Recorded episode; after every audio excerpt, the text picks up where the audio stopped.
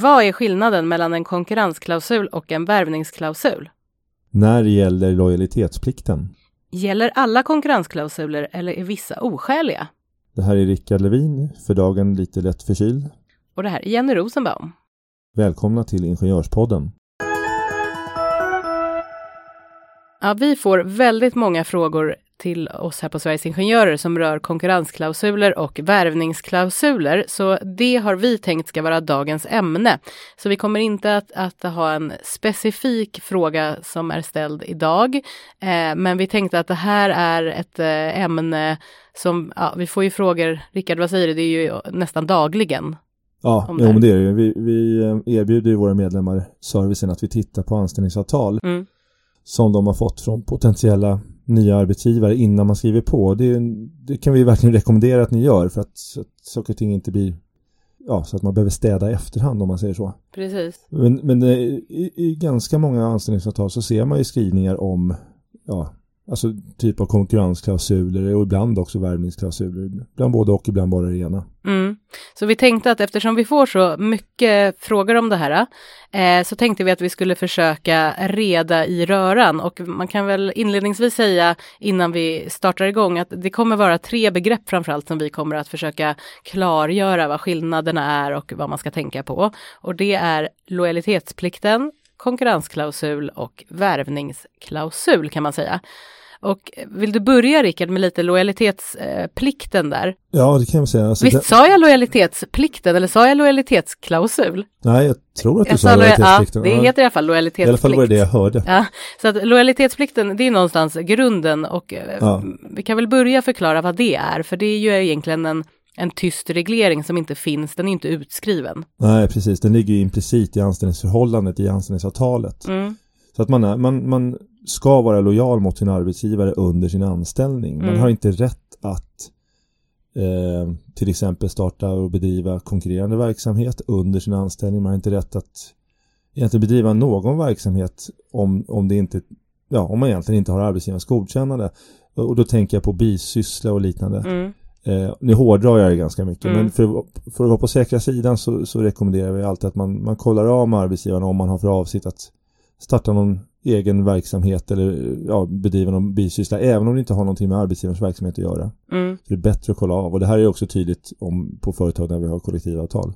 Nu begränsar vi lite i, i, för lojalitetsplikten kan ju såklart betyda också alltså lojal på andra sätt och sen kan det skilja sig faktiskt lite ska vi säga om man jobbar privat eller till exempel statligt huruvida mm, man ja. får eh, situationstecken gör jag nu i luften här, snacka skit om sin arbetsgivare. Eh, privat, eh, om du jobbar privat så, så är ju det big no-no.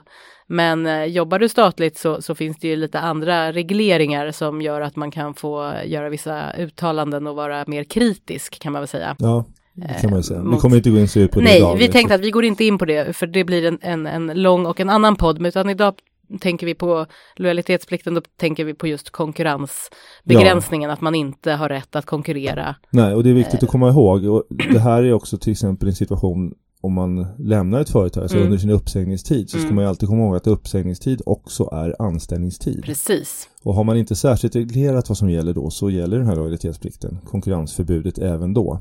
Och då kan man säga att vi, det har jag haft och säkert du också, men att man har till exempel börjat planera en verksamhet som man ska starta upp. Det får man alltså då inte göra under tiden man är anställd. Alltså även om man är arbetsbefriad i några månader mm. så är man fortfarande faktiskt anställd. Det är till sista anställningsdagen som den här lojalitetsplikten faktiskt gäller och det, eh, det är viktigt att komma ihåg. Ja, och det är väl det som är om lojalitetsplikten, om, om man tänker det som grunden. Om man då hoppar in på konkurrensklausuler, för lojalitetsplikten är som vi sa under anställningen, men sen så eh, dagen efter att man då har slutat, om man inte har någon klausul, då är man ju fri att göra lite vad man vill kan man säga. Eh, om man bara hade lyd under lojalitetsplikten. Ja, det kan man väl säga. Mm. Samtidigt mm. så är det ju så att man ändå inte har någon rättighet att använda sig av företagsspecifik information. Och Nej, men då pratar vi om företagshemligheter. Ja. Där det finns en specifik lagstiftning. Eh, och den kommer vi heller inte gå in på idag, men, men absolut, mm. det, det är korrekt. Och däremot så är det ju ändå så att man har ju rätt att bedriva egen verksamhet i konkurrerande företag eller ta anställning i ett konkurrerande företag. Mm. Och det, och det är eh, efter att eh, ja, sista anställningsdagen ja. är arbetad och att man har, eh, om vi bara har pratat lojalitetsplikten, att det är den ja, regleringen just som har. Mm.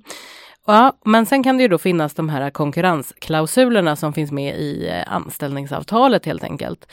Eh, och de kan ju vara utformade på massa olika sätt. Eh, men eh, kontentan är väl att en konkurrensklausul är en klausul som ska begränsa då arbetstagarens rätt efter att anställningen har upphört. Eh, att eh, antingen ta anställning hos en konkurrent eller starta upp och bedriva konkurrerande verksamhet en tid därefter. Ja, det är ju tanken. Och man ska komma ihåg att man kan aldrig begränsa den liksom, individuella know-how som man besitter, utan mm. det är mm. företagsspecifik information som vi pratar om, mm. som man liksom vill försöka begränsa. Man kan säga att det man har i huvudet, det har man i huvudet. Ja, men lite så. Så mm. länge det inte är den tidigare arbetsgivarens kundregister och liknande, det får man inte ta med sig. Mm.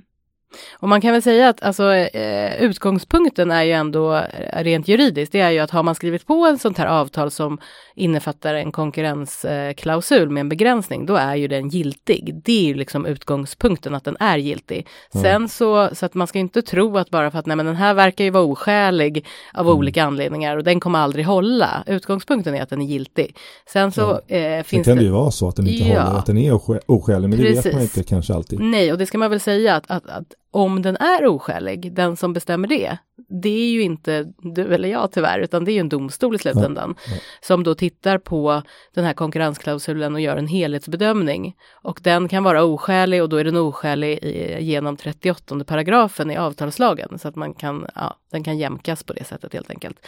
Eh, men kan inte du dra lite bakgrund alltså eh, om konkurrensklausuler och det började ju för väldigt länge sedan kan man säga. Man brukar prata om 1969 som någon sån här eh, mm. magiskt årtal när det gäller konkurrensklausuler just. Vad, vad hände då? Ja, det, det har funnits en överenskommelse mellan SAF, som det då hette, Svenskt Näringsliv idag, och PTK mm.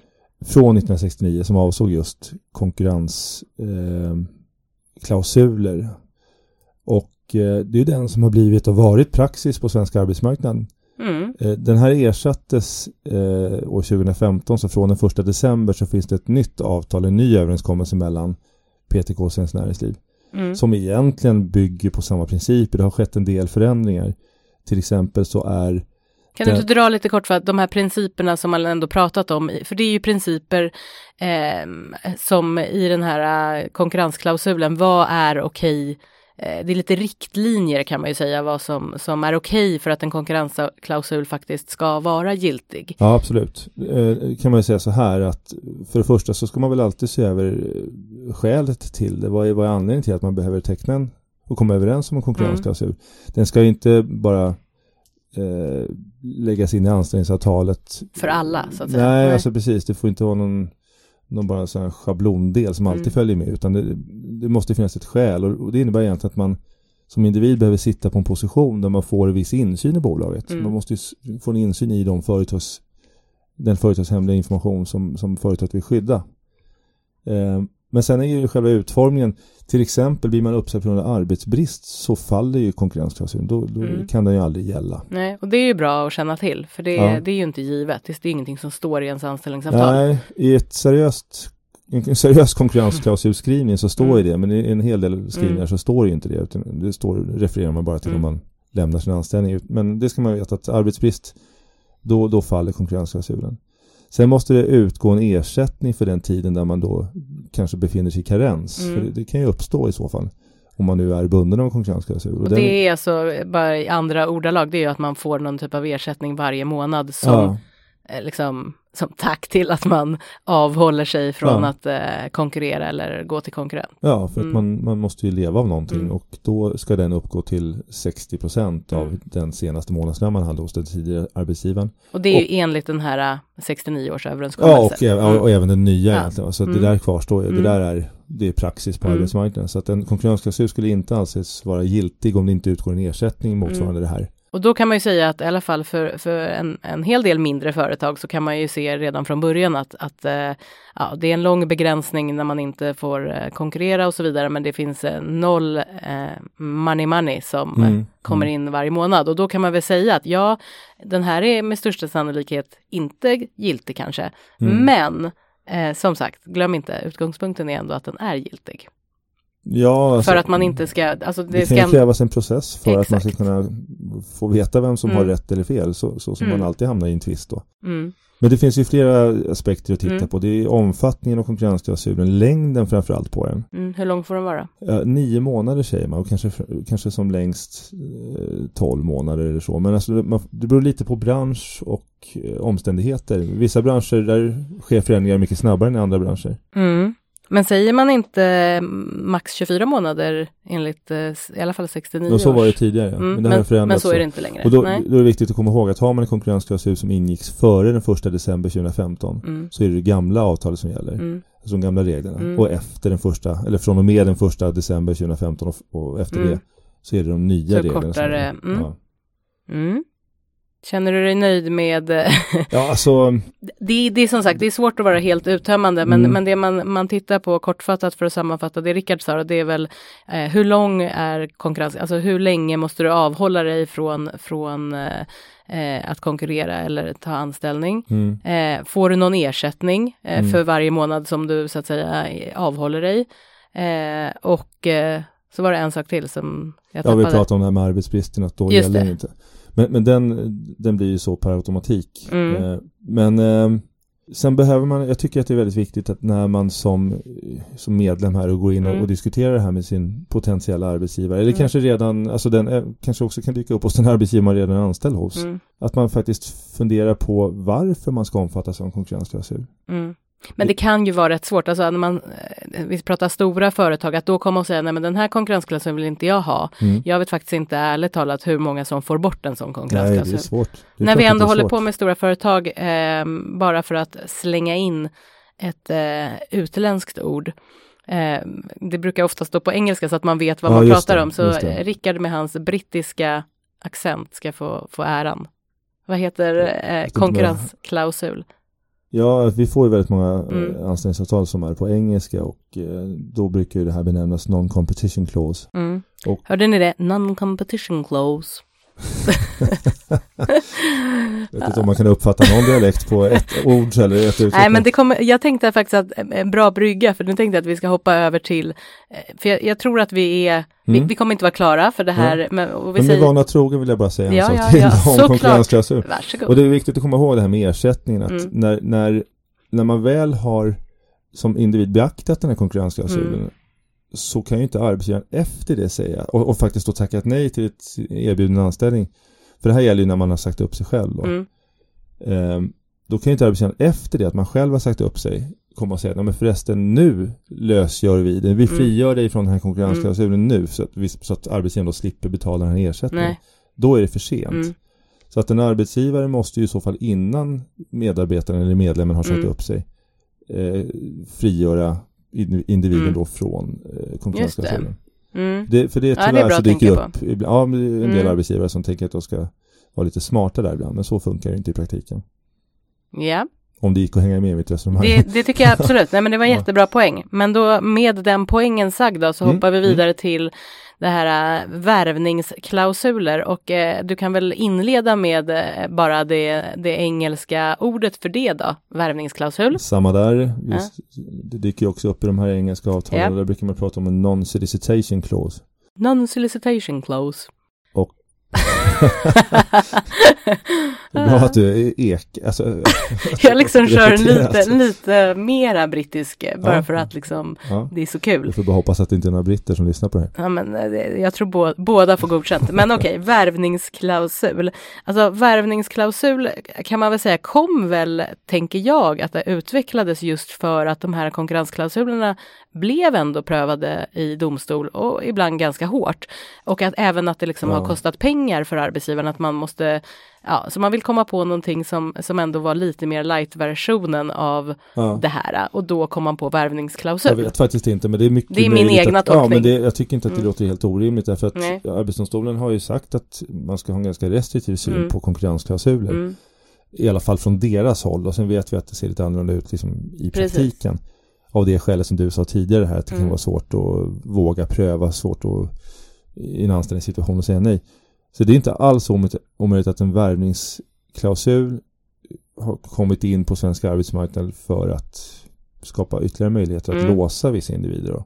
Och en värvningsklausul, det är väl lite som det låter då, att det är ett förbud att värva eh, ja, antingen kunder som mm. det här företaget har haft mm. eller även värva med personal om det är så ja. att man eh, slutar och startar en eh, konkurrerande verksamhet. Och här ser man ju alla varianter, ja. alltså det finns ju värvningsklausuler som är, ursäkta, alltså, som är helt befängda. Alltså, mm. som, där man, där man inte får värva någons potentiell kund eller kund som har funnits eventuellt hade kunnat funnits tidigare eller eventuellt kan dyka upp i framtiden. Alltså det, det låser precis allt och alla mm. som någonsin har existerat i världshistorien. Och känns ju relativt oskäligt även för lekmannen här. Men ändå så har det faktiskt varit så att värvningsklausuler just för att de har setts eh, lite lättare att mm. hålla sig till om man eh, då ska säga så, så har de ändå varit ganska ofta godkända. Mm. Eh, och eh, i samband med att vi eh, skulle göra det här avsnittet så har vi ju tittat runt såklart och då visade det sig att för, bara förra veckan då kom det ett interimistiskt avgörande från eh, Arbetsdomstolen som faktiskt har ändrat lite på det här kan man säga. Mm. Ehm, man kan säga att Arbetsdomstolen eh, har nu sagt att det kommer finnas skäl till att även när det gäller värvningsklausuler eh, ha en restriktiv syn på tillåtligheten av värvningsklausuler. Eh, det vill säga, man kommer faktiskt att göra Eh, som, som vi förstår i alla fall, även i framtiden eh, begräns att man tittar på helhetsbedömningen, precis så som man tittar på konkurrensklausuler. Då tittar man också på en, man gör en helhetsbedömning på om den har varit skälig. Och att man nu verkar det som även i fortsättningen ska göra det när det gäller värvningsklausuler. Ja, och det är väl positivt ja. tycker jag. Nej, men, eh, och det är väl för att de används mera frekvent också. Säkert så att det har kommit upp till ytan, att de också kanske ska begränsas och inte mm. vara helt vilda västern. Absolut. Mm. Men eh, jag vet inte, ha, ha, har vi något mer att säga tänkte jag? Ska vi sy ihop vår säck? Alltså det finns ju massor mer att säga, men det, det viktiga budskapet vi vill få fram eh, till er som lyssnar, det är väl att skriv inte bara på utan titta vad, vad är, vad, ja. vad, är det för klausul först och främst och vad innebär den? Och, så att man ja. ändå vet det och sen blir den kanske inte aktuell förrän man då slutar och det kan ju vara ganska långt efter. Använd gärna Sveriges Ingenjörers, ja. eh, den, den service vi ändå erbjuder. Vi kan se över anställningsavtalet, ge er goda tips mm. och råd och kommentarer till det som ni då erbjuds Precis. innan ni skriver på. Mm. Eh, därför att även, jag håller med igen, det är klart att det kan vara svårt ibland att fullt ut påverka det här mm. eh, när man sitter i en sån situation. Men däremot så kanske man ändå kan ändra någonting och göra det lite mer skäligt. Eh, en, ja, en skrivning som kanske känns mm. lite befängd då, som jag sa. Mm. Nej men det var väl bra slutord och som sagt vi säger i nästan varje avsnitt. Vi kommer säkert komma tillbaka till det här och massa saker som tangerar på det här. Men om ni känner att ni har en fråga, för det här ska ändå vara en frågepodd, skicka gärna in den till eh, oss. Ingenjorspodden heter det vi. Ät, eller ät, det är snabel a, sverigesingenjorer.se. Men eh, ja, med det får vi väl tacka för oss och säga hej svej. Ja, hej hej.